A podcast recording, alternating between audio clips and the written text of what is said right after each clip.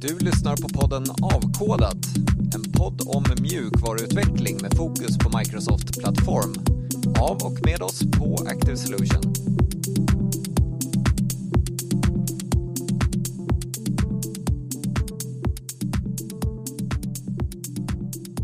Suveränt. Så, varmt välkommen till Avkodat, podden från oss på Active Solution om mjukvaruutveckling och lite grann som händer i utvecklarvärlden med fokus på Microsoft-teknik. Så idag är det förutom jag, Robert Folkesson. Kryssklog. Peter Örnholm. Ah, jag hade ingen... Uh, sorry. jag hade ingen caption på dig som förra gången. Och Cecilia Wren. Så, idag hade vi tänkt att prata lite grann om vad som har hänt sen sist. Förra gången så körde vi en, en liten special om .NET 5. Så vi kanske inte kommer prata så jättemycket om det, även om det faktiskt är nu som .NET 5 har släppts. Men vi tänkte väl ja, prata lite grann om saker som har dykt upp sen, sen sist vi talade och som vi inte tog upp då kanske lite grann. Och Ändå så är ju en av de sakerna som har hänt, det är ju .NET Conf som, den håller väl fortfarande på va, I, idag Ja. också eller? Uh, Precis, den började i förrgår. Och det var ju egentligen den officiella releasen utav eh, .NET 5 och nya versionen utav Visual Studio som stödjer .NET 5. Men det hände ju en, en hel del annat där också. Egentligen, det var ju ganska mycket nytt och spännande. Alla skottar var där, såg jag på keynoten. Jag, jag måste erkänna, jag, har faktiskt inte tittat så oerhört mycket själv, men jag kollade lite grann på keynoten eh, första dagen i förrgår. Var det därifrån den här vi, eh, eh, bilden också på Twitter när alla skottarna hade samma färg på sin tröja? Eller, Ja. var, det, le- eller var det längre fram? äh, vadå?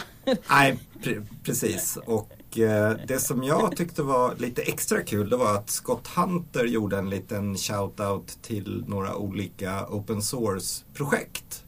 Och bland annat Cake fick ett eh, omnämnande eh, som eh, svenskar arbetar mycket med. Mattias Karlsson bland annat och eh, Patrik, eh, se vad heter han efter namn? Patrik Svensson va? Svensson, just det.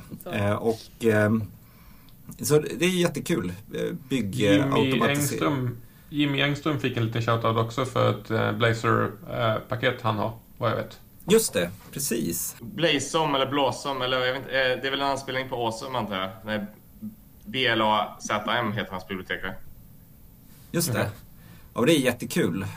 Och allmänt så var ju Blazer väldigt eh, hypat på, på det som jag har sett från .NET Conf. Men det är kanske inte, alltså, om, jag, om jag nu ska vara den här tråkiga gamla gubben så är det kanske inte jättekonstigt eftersom .NET 5-releasen är ju väldigt mycket en fråga om att aligna deras olika plattformar och ha ett enda stort .NET-ramverk som ska funka överallt. Featuremässigt så är ju det enda roliga som har kommit i min värld den senaste tiden är ju Blazor och Blazor Client-Side. Uh, Blazor Server-Side har funnits ett litet tag nu och Blazors Client-Side kommer ju med femman. Eh, De andra sakerna som kommer känns lite esoteriska eller vad man ska säga för den gemene utvecklaren som bara sitter och bygger applikationer. Det är liksom, ja visst det är en ny runtime, det är en ny TFM om man vet vad en TFM ens är. Um, I övrigt så är det ju faktiskt en ganska tråkig release. Förlåt, nu är jag sådär igen. Men det bygger ju ändå grunden för det som ska komma. Ja, Ja, förlåt Peter. Och lite, lite också att det kanske är en sån här... Eh, det var inte jag med på på ert Stack förra gången, ni kan ha nämnt det här, men just den... Eh, eh I och med att .NET 5 inte är long term support, medan 6 kommer vara det. Men i och med 5 då kan ändå all, all tooling och alla 3D... Alltså så här, man har ett år på sig att liksom komma ifatt och se till att alla NuGet-paket stödjer vad man nu... Alltså, det blir lite en sån här mjuk start liksom. Så att när alla Enterprise som behöver ha long term support om ett år ska hoppa på det, då har marknaden ändå kunnat liksom arbeta med, med den nya typen av plattform i ett år. Liksom. Att det, det kommer ReSharper eller vad det nu de har säkert mycket bättre stöd och alltihopa. Så att när, när liksom de stora företagen hoppar på dem ett år, då, då är det mer moget antagligen. Och det, Så, men jag håller med. Det är väl, jag, Ja, sorry. Jag tycker det är en jättebra poäng, men det lite läskiga med det är att femman är ju då inte LTS eller long term support, sexan kommer att vara det. Men sexan kommer också inkludera Xamarin Support, det vill säga iOS Support, Android Support och ett par andra plattformar som inte kommer i femman idag. Uh, så att det gör också femman för min del lite så halv... Ja, det finns en massa performance benefits av femman och liknande saker och det, det är jättebra arbete, det är inte så. Men, men just den här grejen att vi ska ha en unified plattform försvinner ju lite grann när man säger att vi plockar bort eh, Xamarin och vi plockar bort de delarna så att vi har inte Android-stöd och vi har inte iOS-stöd så att vi har Windows och Mac och Linux-stöd vilket var exakt samma som vi hade i .NET 3, Core 3, 3 också liksom. Så det är ganska, men, men visst, det, det kommer att bli ballt med, med tiden. Jag tänkte på det här med Target Framework och eh, hur det hänger ihop med .NET Standard och egentligen hela .NETs historia vad gäller versioner och runtime. Har du skrivit en, ja, jag måste faktiskt säga episk bloggpost om Chris. Den re rekommenderar jag alla att läsa. Uh, jag lärde mig en hel del av att läsa den. den. Den var riktigt, riktigt bra.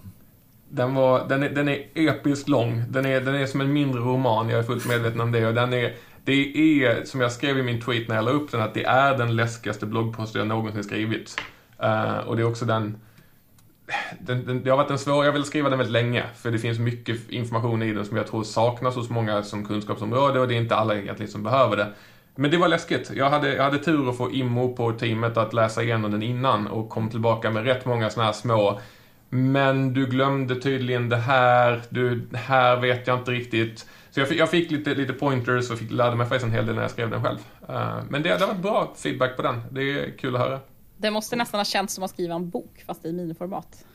Du har sett längden på min bloggpost eller? Ja, det har jag gjort. Jag skummade igenom den och kände att det här är svinbra för någon som inte har varit med hela vägen eller varit ja. lite djupdykande som du och jag som har varit kursledare och verkligen lärt oss allting från ja, håll på med alla tekniker fast vi, mm. man, eh, fast vi kanske inte har jobbat med alla tekniker så har vi verkligen djupdykt i allt. Liksom. Så, eh, så, det är väldigt bra om man orkar läsa den. Men jag hoppas det. Jag tror att man kan tycka att det är intressant. Ja, men jag har ju fått, fått bra feedback. Eh, förvånansvärt nog så, så var det faktiskt, jag, som sagt var den var lite läskig att skriva, men jag fick bra feedback från bland annat Kathleen Dollard också på, på .NET-teamet som är ansvarig för bland annat VB.NET, eller VB heter det väl bara nu för tiden. Eh, men även runtime och lite sådana saker. Så det är kul att få det från de som är så insatta att det faktiskt stämmer. Sen visst, det är inte alla som kommer läsa den, men, men jag, i och med som du säger, både du och jag har varit kursledare och varit tvungna att utbilda egentligen från .NET version två någonting eh, och lära sig, då, som utbildare så, så, får man liksom läsa på saker som man kanske inte bryr sig om normalt för att det kommer alltid någon obskyr fråga som är kul att kunna svara på så att jag tror att man har sett det på ett lite annat vis då. Och sen också, det finns mycket nya utvecklare som inte har varit med de senaste, helt ärligt, nästan 20 åren som .NET har funnits nu. Så att det är lite, det, det är ju många som inte har varit med om .NET 3, 3.5 och deras versionsproblematik där och tycker att det är kul med versionsproblematik nu och massa andra konstiga saker längs med vägen som card spaces och teknik, workflow foundation som tydligen skulle vara framtiden för all programmering och ingen använder idag och så här, så ja.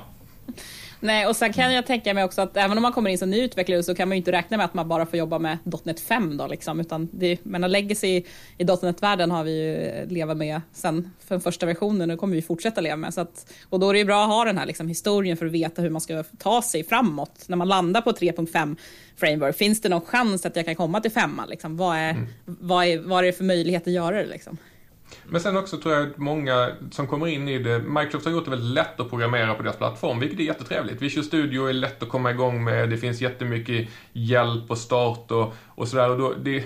man, man, behöver inte ofta sätta sig in i vad, vad IL-kod är eller hur runtimen laddar ILK, medan håller man på med det ett lite längre tag och bygger lite mer avancerade saker så krävs det nästan i min värld en förståelse för hur ramverket funkar också. Speciellt när man börjar diskutera, oj, .NET standard versus .NET Core, eller .NET Core App versus olika TFM och hur kan det funka cross-platform och grejer. Det är bara, men fast förstår man underliggande vad ILKD är och hur runtimen fungerar lite grann, vilket är det jag försöker förklara, så, så får man rätt mycket på köpet för att man kan liksom dra slutsatser själv med, ja men det här borde funka därför att X. Och sen kommer IMO och säger nej, men, men i teorin borde det funka. um, jag tänkte på det, det, där eh, påminner mig om en, om en annan, den, den är inte jätteny men det, det demades och pratades en del om den på .NET Conf också som, som också har ett löfte om att du inte behöver kunna någonting. Det är TIE för att bygga microservices med .NET Core och eh, deploya dem i Kubernetes och sätta upp ett lokalt kluster och kunna testa det och ha någon liten eh, portal som visar lite status och sådär och kunna tunnla trafik från AKS till exempel till den, din lokala maskin och lite sådana saker. Men jag blir alltid lite misstänksam när, när budskapet är du behöver inte kunna någonting. För det brukar innebära för, för, min del att uh, det är lite så här, enough rope to hang yourself. Yep. det slutar att fungera och jag har ingen aning om varför. Så brukar det vara när jag själv Det är inte ens bara ett enough rope to hang yourself. De har varit snällt nog och hängt upp snöret ur snaran åt dig också, känns det som i vissa fall. Uh, jag, tycker, jag har inte jobbat med TIE. Jag tycker konceptet av TIE är väldigt, väldigt intressant. Mm. Men det känns lite grann som en, en Kubernetes light-lösning Eh, med, liksom, för vad jag förstår så deploya, man kan deploya till, till Kubernetes men man kan köra det lokalt som microservices också utan att behöva ha ett kluster själv.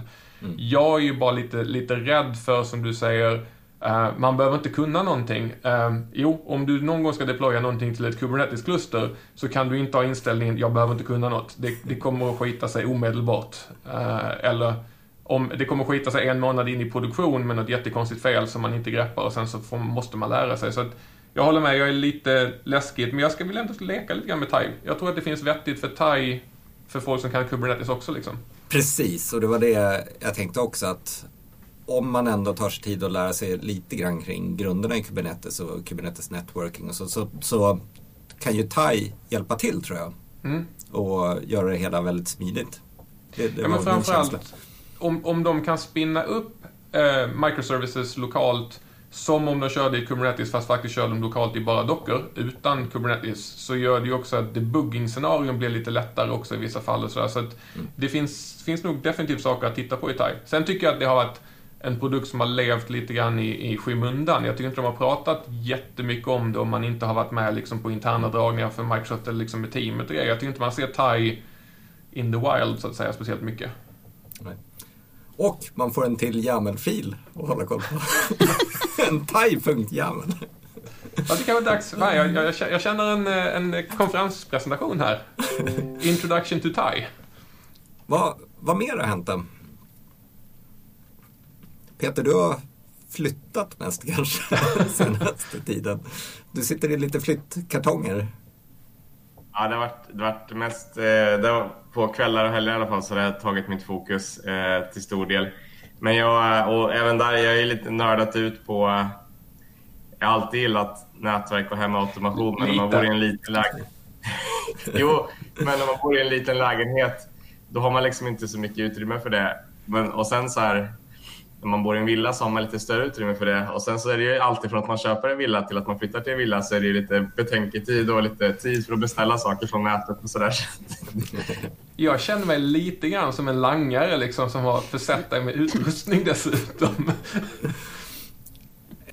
Men när man, om man väl, när man väl börjar så går det ju inte att sluta. Det är ju så. Ja, det, men det är roligt. Jag har i alla fall, som alla andra i vår bransch känns det som på Twitter, så har jag också kittat upp mig med Unifys Pro-prylar och satt upp ett serverskåp på väggen och hela, hela paketet. Eh, och det är väldigt jag, Det var lite så här i, i veckan här så var Verisure och installerade vårt eh, hemlar. Och då, eh, killen knatar runt här alltihopa och så, och så frågar han så här, ah, eh, vilka sensorer vill du ha i serverrummet då? Och då blev jag så glad att så här, han spontant benämnde mitt rum serverrummet. Så då kände jag att det liksom, då har jag tillräckligt yes. avancerade bilar för att det ska så spontant kallas för serverrummet. Men det ironiska är att jag, jag gillar ju så här early adopter, kryssar i alla betaflaggor och you name it på, på den. Så jag, jag har kryssat i så mycket så att det är ett känt problem att vi får så mycket packet loss. Så det här mötet kör jag på min 4G-uppkoppling nu för att jag okay. Jag måste, jag har bara inte tagit tag Det har varit så mycket annat att skruva ihop möbler och sånt ja, så jag har inte hunnit gå in och tuna det här. Men, det. men det är visst ett, ett problem att eh, så att det går liksom inte att ha ett Teams-call på, det, på wifi just nu för att den tappar för mycket paket. Men, men du har det senaste? Får jag, precis, får jag bara fråga, Cecilia, hur ser det ut hemma hos dig? Har du samma förutsättningar med, med ett litet rack och en massa... Jag har ju valt att göra en vinkällare istället för ett serverrum. Men det handlar ju om prioriteringar. För jag känner mig som en dålig människa i vår bransch. För jag har, visst jag har en homie hemma, jag kan styra mina lampor i lägenheten med Alexa. Men min nätverkssetup består av lite Ubiquity-prylar som jag har fått av min bror slash vårt företag. Som jag har slängt in på en hylla. Min accesspunkt sitter kilad mellan en hylla och mitt, eh, mitt proppskåp inne i städskrubben. Det är tydligen inte så man får lov att ha det när man jobbar i vår bransch. Det är kul att ha något att geeka, geeka ut på. Men det är helt klart att jag hade överdimensionerat. Men det är ju som du sa Chris, att så här, men jag har en accesspunkt och det täcker gott och väl hela lägenheten. Men min erfarenhet från när jag bodde i lägenhet med så här betongväggar var att det dog ut ganska snabbt. Men jag, det här är ju ett trähus och det, var, det är verkligen så här. Jag har satt antenner nu i taket i, i serverrummet och den, alltså jag har ju liksom så här 2 till 250 megabit i hela, alltså ute i trädgården och överallt bara på den. Och jag har köpt tre accesspunkter så jag får väl överväga. Fast jag, jag, jag har också trähus, men eh, jag eh, råkade ut för att det är en skorsten mitt i. Och den skuggar ganska bra kan jag säga. Ja. Så då var jag tvungen att bygga liksom en, en tri triangel runt det hela för, för att komma vidare. Så Men det ger dig att du, du hade kunnat klara dig troligen med två, en på var sida om skorstenen. Peter har nu lyckats slänga in en, täckt allting och har tre stycken kvar. Ja. Det är tur Peter att du redan har fått de barnen du ska ha, för det kommer inte bli några fler barn med den strålningen. Men visst är det så att du, du har skrivit en, en lång Twitter-tråd också som du fyllde på med detaljerad information om hela setupen. Vi, vi får länka till den i, i det här avsnittet. Går man in på Peter Ornholm, det är bara en annan anekdot var ju roligt när jag hade beställt eh, det var så här, ja, men jag hade börjat snacka med Chris och Chris hade lite koll på vart man fick bra priser på, eller Chris fixade bra priser på de här prylarna. Alltså sådär. Men jag tänkte ja, men jag måste ju ändå ha ett litet så här, rack att sätta dit. Typ. Så satt jag på webbhallen sent någon kväll och så här, ja men så här stort är racket. Bara, jag liksom mätte upp i luften med fingrarna. Det är inte så stort tänkte jag liksom. Och så köpte jag det där. Eh, ringde ju då, ringde ju typ, det var Schenker eller DHL eller någon sån här. Jag, jag jobbar hemma som alla andra gjorde liksom. Och så ringde han så här, ja men tjena Peter. Tänkte bara kolla att det finns plats att backa upp lastbilen framför dörren. Så här, ja, och sen eh, pallen, var ska jag ställa den då? och, så, och då började jag få lite så här, det blev lite svettig liksom när, när man, när man vart man ska ställa EU-pallen med mitt serverskåp. Men som tur var så, så var det hanterligt och nu, eh, nu är det uppskruvat på väggen och sitter i taket så att det märks, och märks knappt. Men sen har jag också bestickat den, eh, bestickat den med Philips Hue LED-lister LED så att den går att lysa. Det kom, den är inte, jag har inte kommit så långt än i min Twitter-tråd men det kommer, det kommer Eh, uppdatering på det också. Schysst. Jag, jag, uppskattar att jag får eh, förhandsinformation via, via Messenger med bilder på hans upplysta skåp och grejer. Så jag är medveten om vad utrustningen jag har langat till honom har, sitter någonstans. Schysst. Ja, vad är, vad är mer nytt då sen sist förutom överdimensionerat nät, hemnätverk?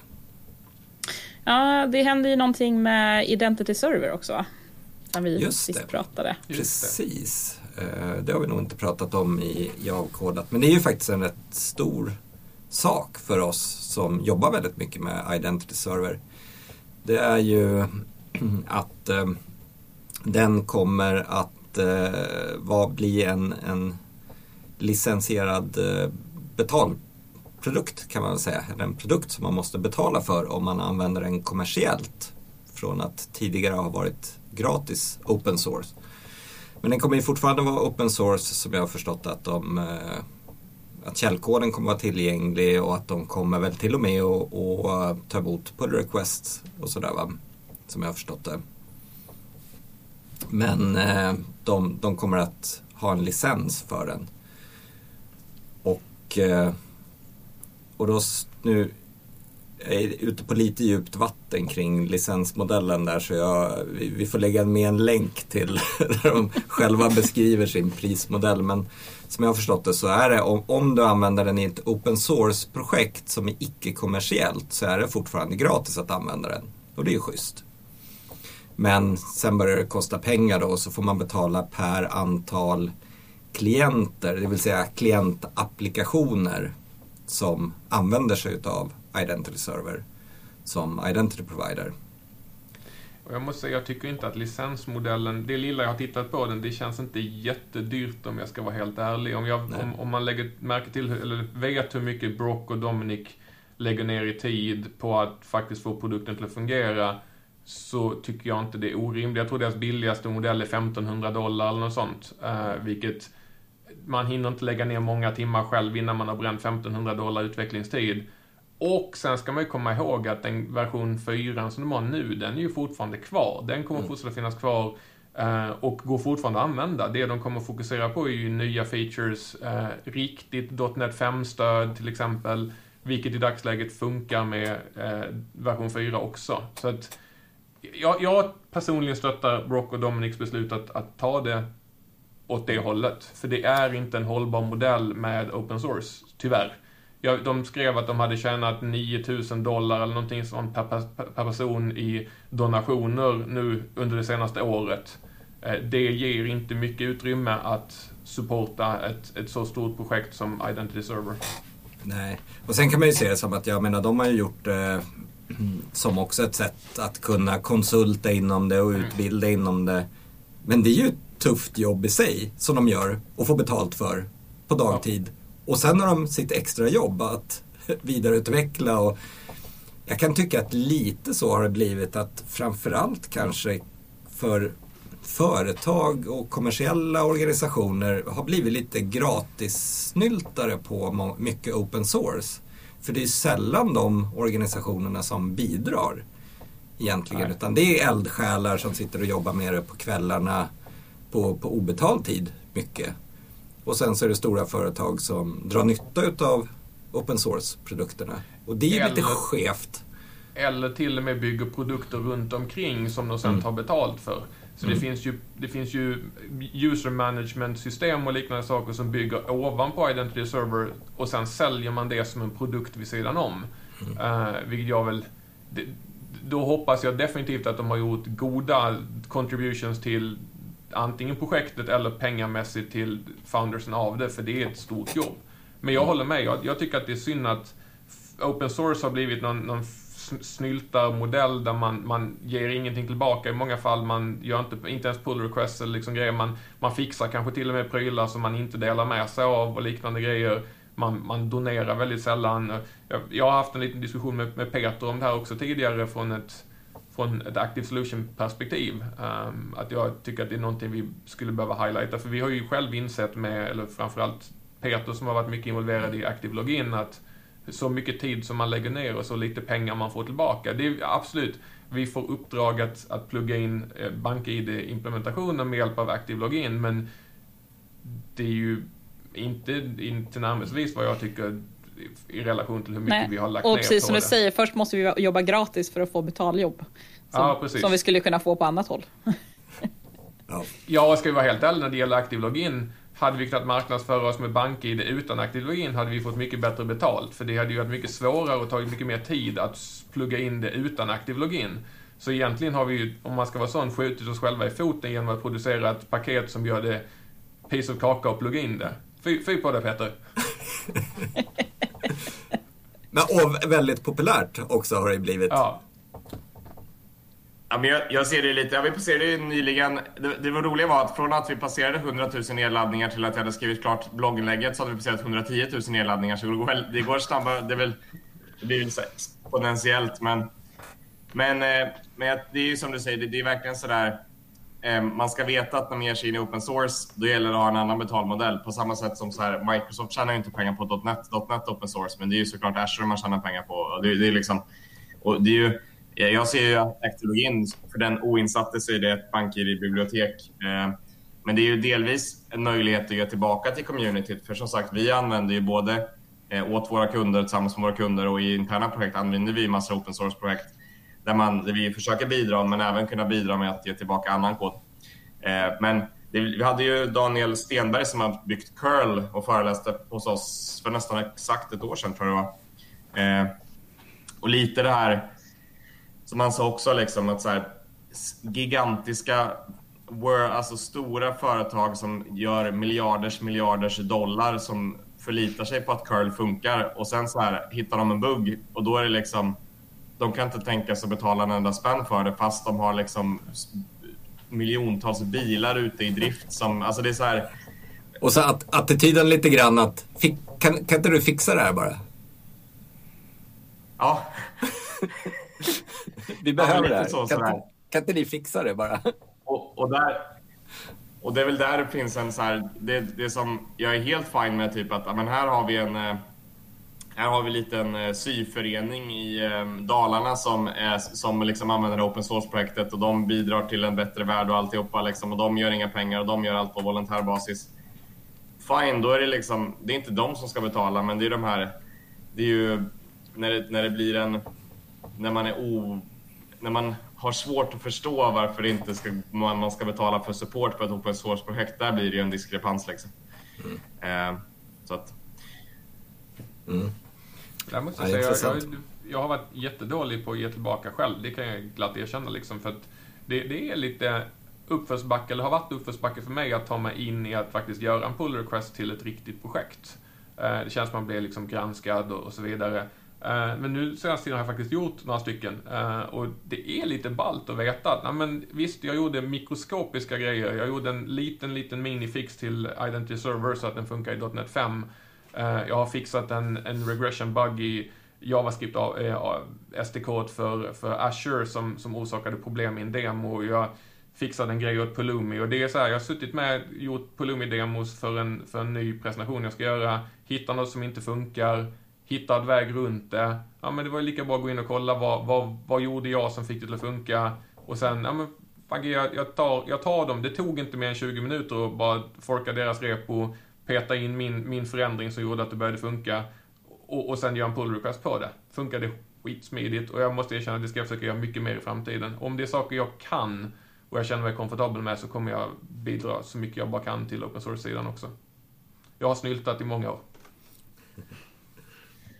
Någonting som, en teknik som ju är ganska ny i alla fall, som lite så här, inte lovar ska jag säga, men den tanken är att kunna främja att göra det enklare i det här code spaces som mm. Förut fanns det ju Visual Studio Code Spaces och GitHub Code Spaces och nu är det väl båda GitHub Code Spaces. Men just den där att kunna typ så här, ja men om, om du vill dra igång en maskin i molnet som ska kunna köra och kompilera det här projektet typ och så är det väl ytterligare en YAML-fil då men, men jag får att det är en YAML-fil eller om det är en JSON-fil. Du ser inte ens, du ser inte ens den filen. Det, det, det, du, du lägger inte märke Jag har haft nöjet att vara, vara beta-inbjuden till Codespace, GitHub Codespaces. Så jag har faktiskt fått lov att testa det. Eh, du, du lägger inte märke till speciellt mycket av att du har någonting runt omkring utan det enda man gör är antingen via Visual Studio så säger man skapa Codespace eh, och så ger man ett GitHub-repo och så är man igång och kör eller så kan man via GitHub gå in och klicka på Codespaces och så får man en, det här är asballt, man får Visual Studio Code in the browser. Man kan börja hacka och editera i sin webbläsare och det här är ballt, för det här fattar jag inte hur det funkar. De kan portmappa en lokal port på min maskin till en port i deras backend så att man helt enkelt kan gå till localhost port 8080 och så hamnar man i codespaces i Azure via webbläsaren. Jag har fortfarande ingen aning hur det funkar, men det är coolt. Så det tror jag definitivt kan hjälpa till för, ehm, för open source-projekt att få pull request, för det är så jävla lätt att bara gå till ett, ett repo och säga forka, gör en codespace, fixa till buggen, göra en pull request och döda codespacet och så är man klar. Eller lämna codespacet tills pull requesten är godkänd kanske. Mm. Ja, men just den här att bara kunna veta typ att du kan liksom du behöver inte installera några dependency. Alltså även om Docker löser det där till viss del, men ändå vara så här. Jag vill fixa typ, jag ser ett uppenbart bugg på den här raden. Jag vill göra den, se att det kompilerar, testerna går igenom. Jag vill inte, jag vill inte liksom ha exakt rätt version av Python eller .NET Core eller you name it liksom, utan så här. Jag vill bara, jag vill ändra det här i en redigerare och sen slänga bort det. Liksom. Och då, så där är ju, det borde vi i Active lägga in en sån, eh, sån eh, för man lägger ändå in någon slags spec, men den kan genereras. Ja, ja, precis. Som, som personer som erbjuder Codespaces stöd i sin GitHub-repo så får man lägga in en liten fil som spesar den har funnits med ett tag. Det är en JSON fil som säger vilken image som ska användas och lite sådana saker. Jag vet inte om den defaultar till vissa värden om man inte har en, men man har möjlighet att, att konfigurera och säga jag vill ha en annan base image. Så att här är min, min docker image som har dependencies som behövs för det här projektet. Och sen håller den koll på lite, jag tror att den håller koll på installerade plugins och liknande saker som ska aktiveras på servern. För att det du får är ju i princip en live share session mot en, en headless maskin i molnet, vilket gör att när du installerar plugins i Visual Studio Code till exempel så måste plugin installeras server-side, inte på din lokala maskin. Uh, För då, då kan man välja om man vill köra Linux och Windows också, eller hur? Eh, det, det, där var ju lite liveans. Jag vet inte när de ska fixa det. Just nu finns det en liten bugg i Codespaces som jag tydligen var den första som lyckades hitta när de skickade ut det till betaanvändarna. För jag, jag öppnade upp och, och startade och försökte köra .NET 5-prylar i Codespaces. Det pajade, eh, för de har inte stöd för preview-grejer i Codespaces. Så mm. det, var, det var installerat. .NET 5 fanns på, RC fanns på maskinen men man kunde inte använda den. Um, då kom jag också fram till en intressant grej när vi började felsöka det att gör man det från Visual Studio och säger ny codespace så får man en Windows, Windows server. Gör man det från GitHub så får man en Linux-server. Visst, man kan spesa det själv, men det är ganska lustigt att man beroende på vilken klient man använder så får man två olika images att utgå ifrån. Ja, det är lite mm. intressant. Mm. Men det blir också en lite annan, jag, jag har inte sett kostnadsbilden. Jag, jag, gissar på att kostnadsbilden blir du betalar för den VMen du använder i backen för det. Uh, vilket var inte jättesmå VMs av förklarliga skäl eftersom den måste ha prestandan för att kompilera och liknande saker. Men det innebär ju att en Linux-maskin kommer ju troligen vara billigare att köra mot än en Windows-maskin för man slipper Windows-licensen. I, I gengäld så får man ju då, istället för att använda PowerShell så får man använda Linux bash-prylar eller köra PowerShell på Linux istället. Så det beror lite grann på vad man är van vid.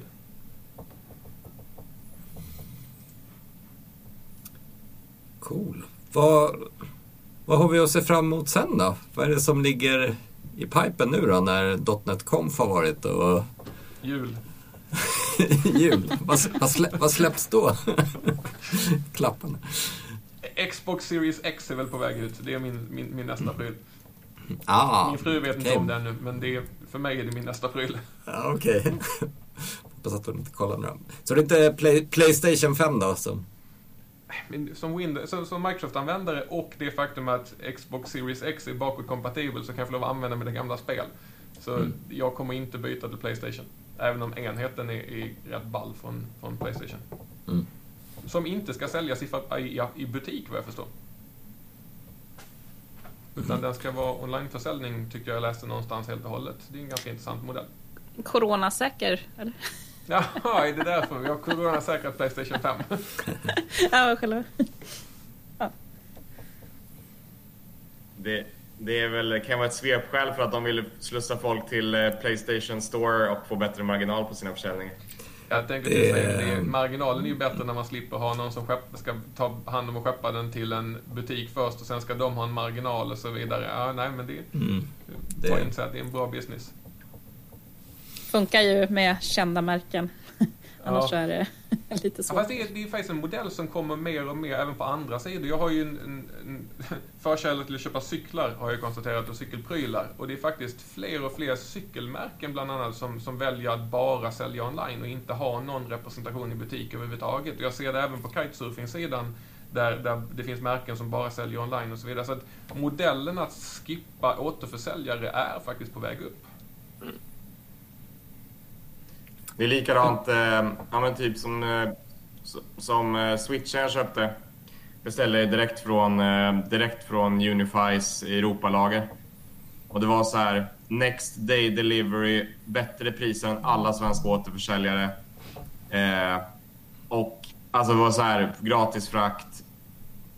Det, det känns som att de, eh, jag antar att det blir mer och mer när ändå alla, det går liksom leveranser kors och tvärs och alltihopa. Och Ja, med tanke på att vi, du jämförde ju priserna hos mig. För jag råkar ha ett eh, äh, återförsäljarkonto hos, hos en, en leverantör som är bland de billigaste i Sverige på Ubiquitys prylar, och det, eller Unifys prylar. Det var, inte, det var inte ens kul att jämföra vissa av produkterna. Vissa var ju så mycket billigare på, på den europeiska webbshoppen att det var liksom helt omöjligt att köpa dem i Sverige mer eller mindre. Men några andra som också lovar Next Day Delivery där det var hysteriskt roligt att jämföra produkterna är våra vänner på Amazon. Ja. Det, vi som har jobbat en del med AI-baserade översättningstjänster kände väl så här att ja, ingen alltså, jättebra reklam för just den delen kanske. Men... De, de fick ju jättebra reklam, för de fick ju jättemycket uppmärksamhet. Ja. Jag uppfattade det bara som väldigt arrogant att tro att man kan ge sig in på en ny marknad och bara automatöversätta och göra lite grann med vänsterhanden, för den svenska marknaden är väl inte så svår att ge sig in i.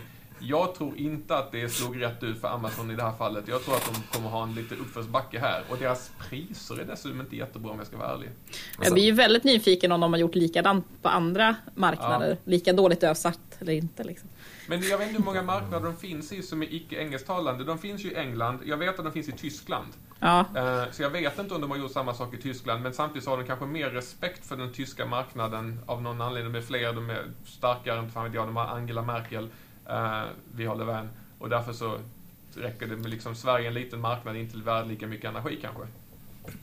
De är faktiskt lite, ja förlåt. Kör du Peter.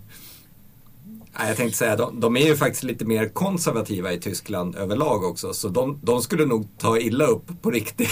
Ja. vi, vi garvar ju mest.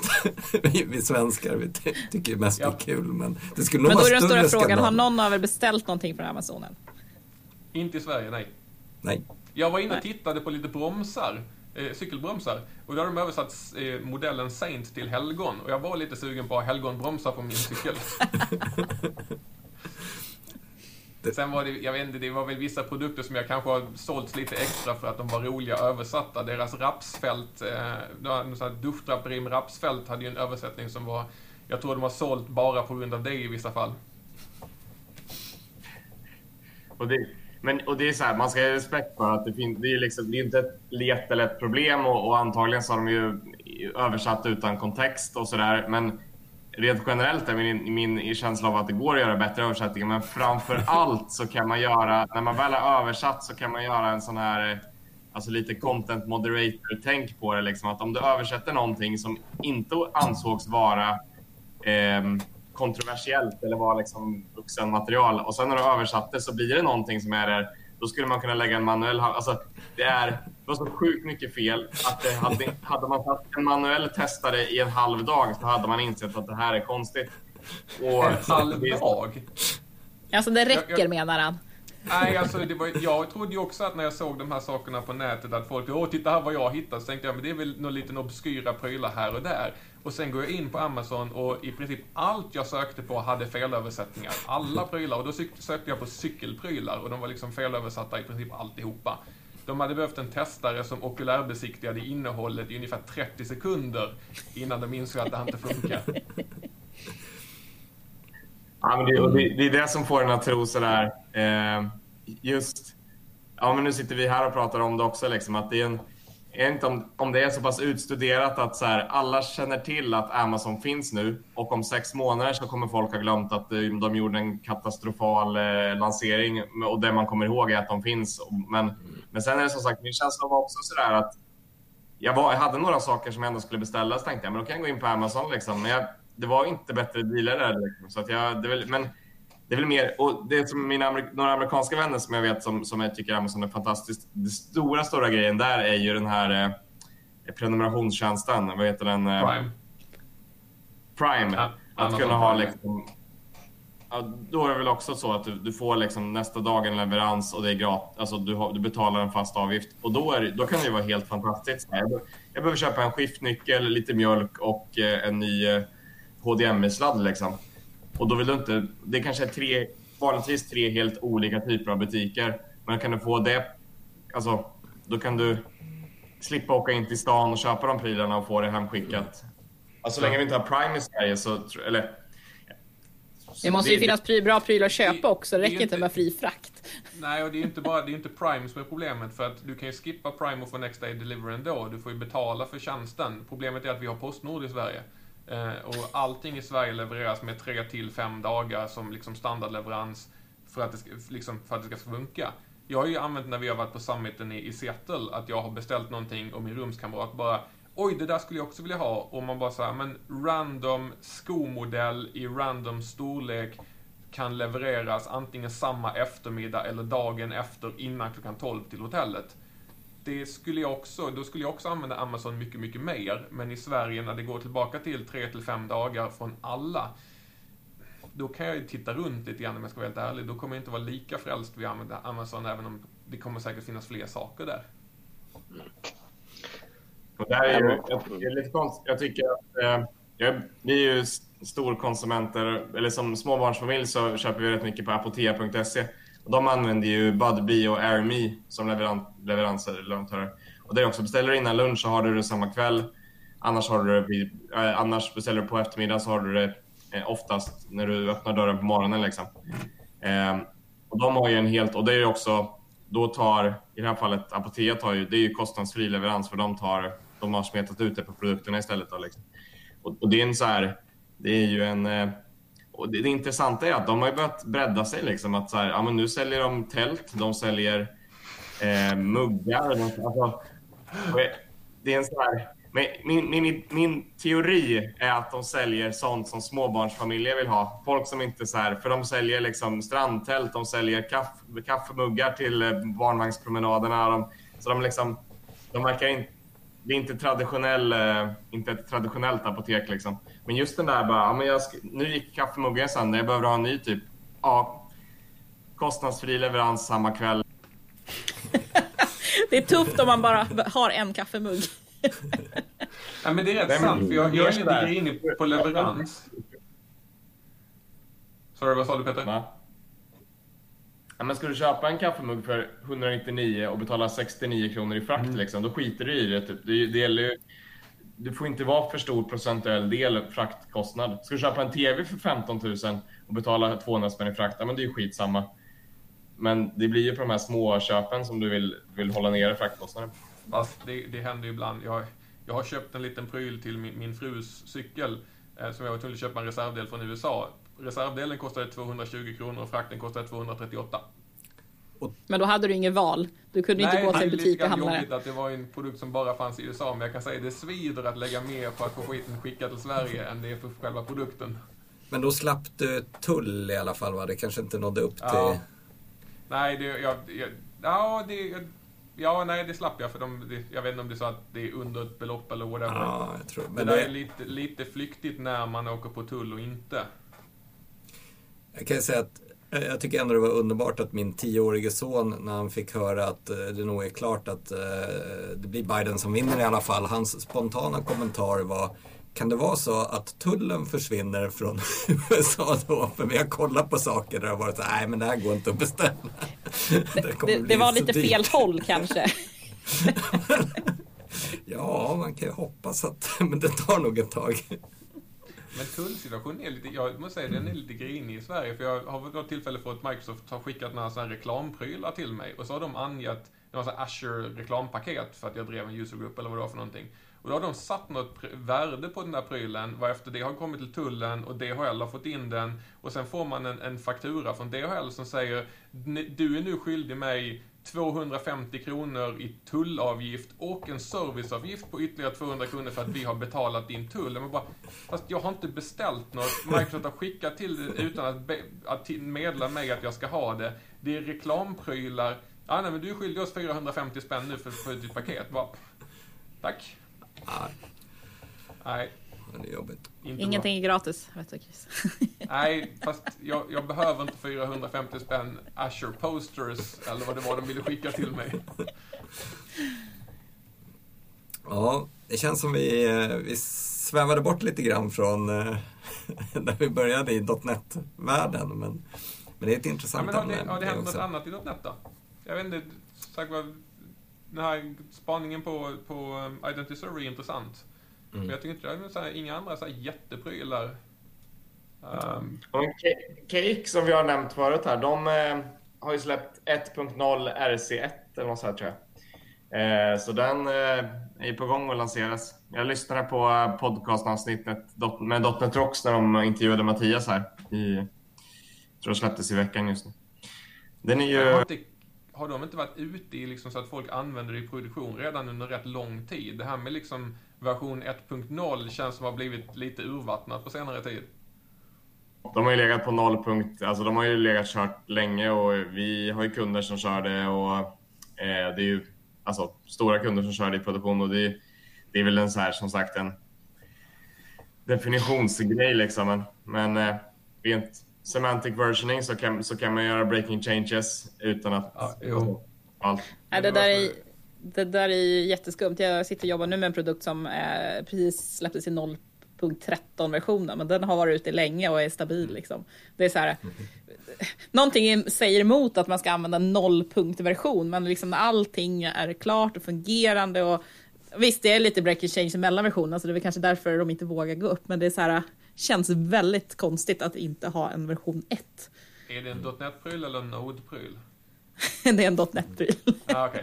För Node tenderar ju att låta sina saker ligga kvar på 0. någonting i all evighet. Bara halva världen använder den här prylen och de används till att skicka raketer till, till månen. Nej, men det är 0. någonting för att... Ja.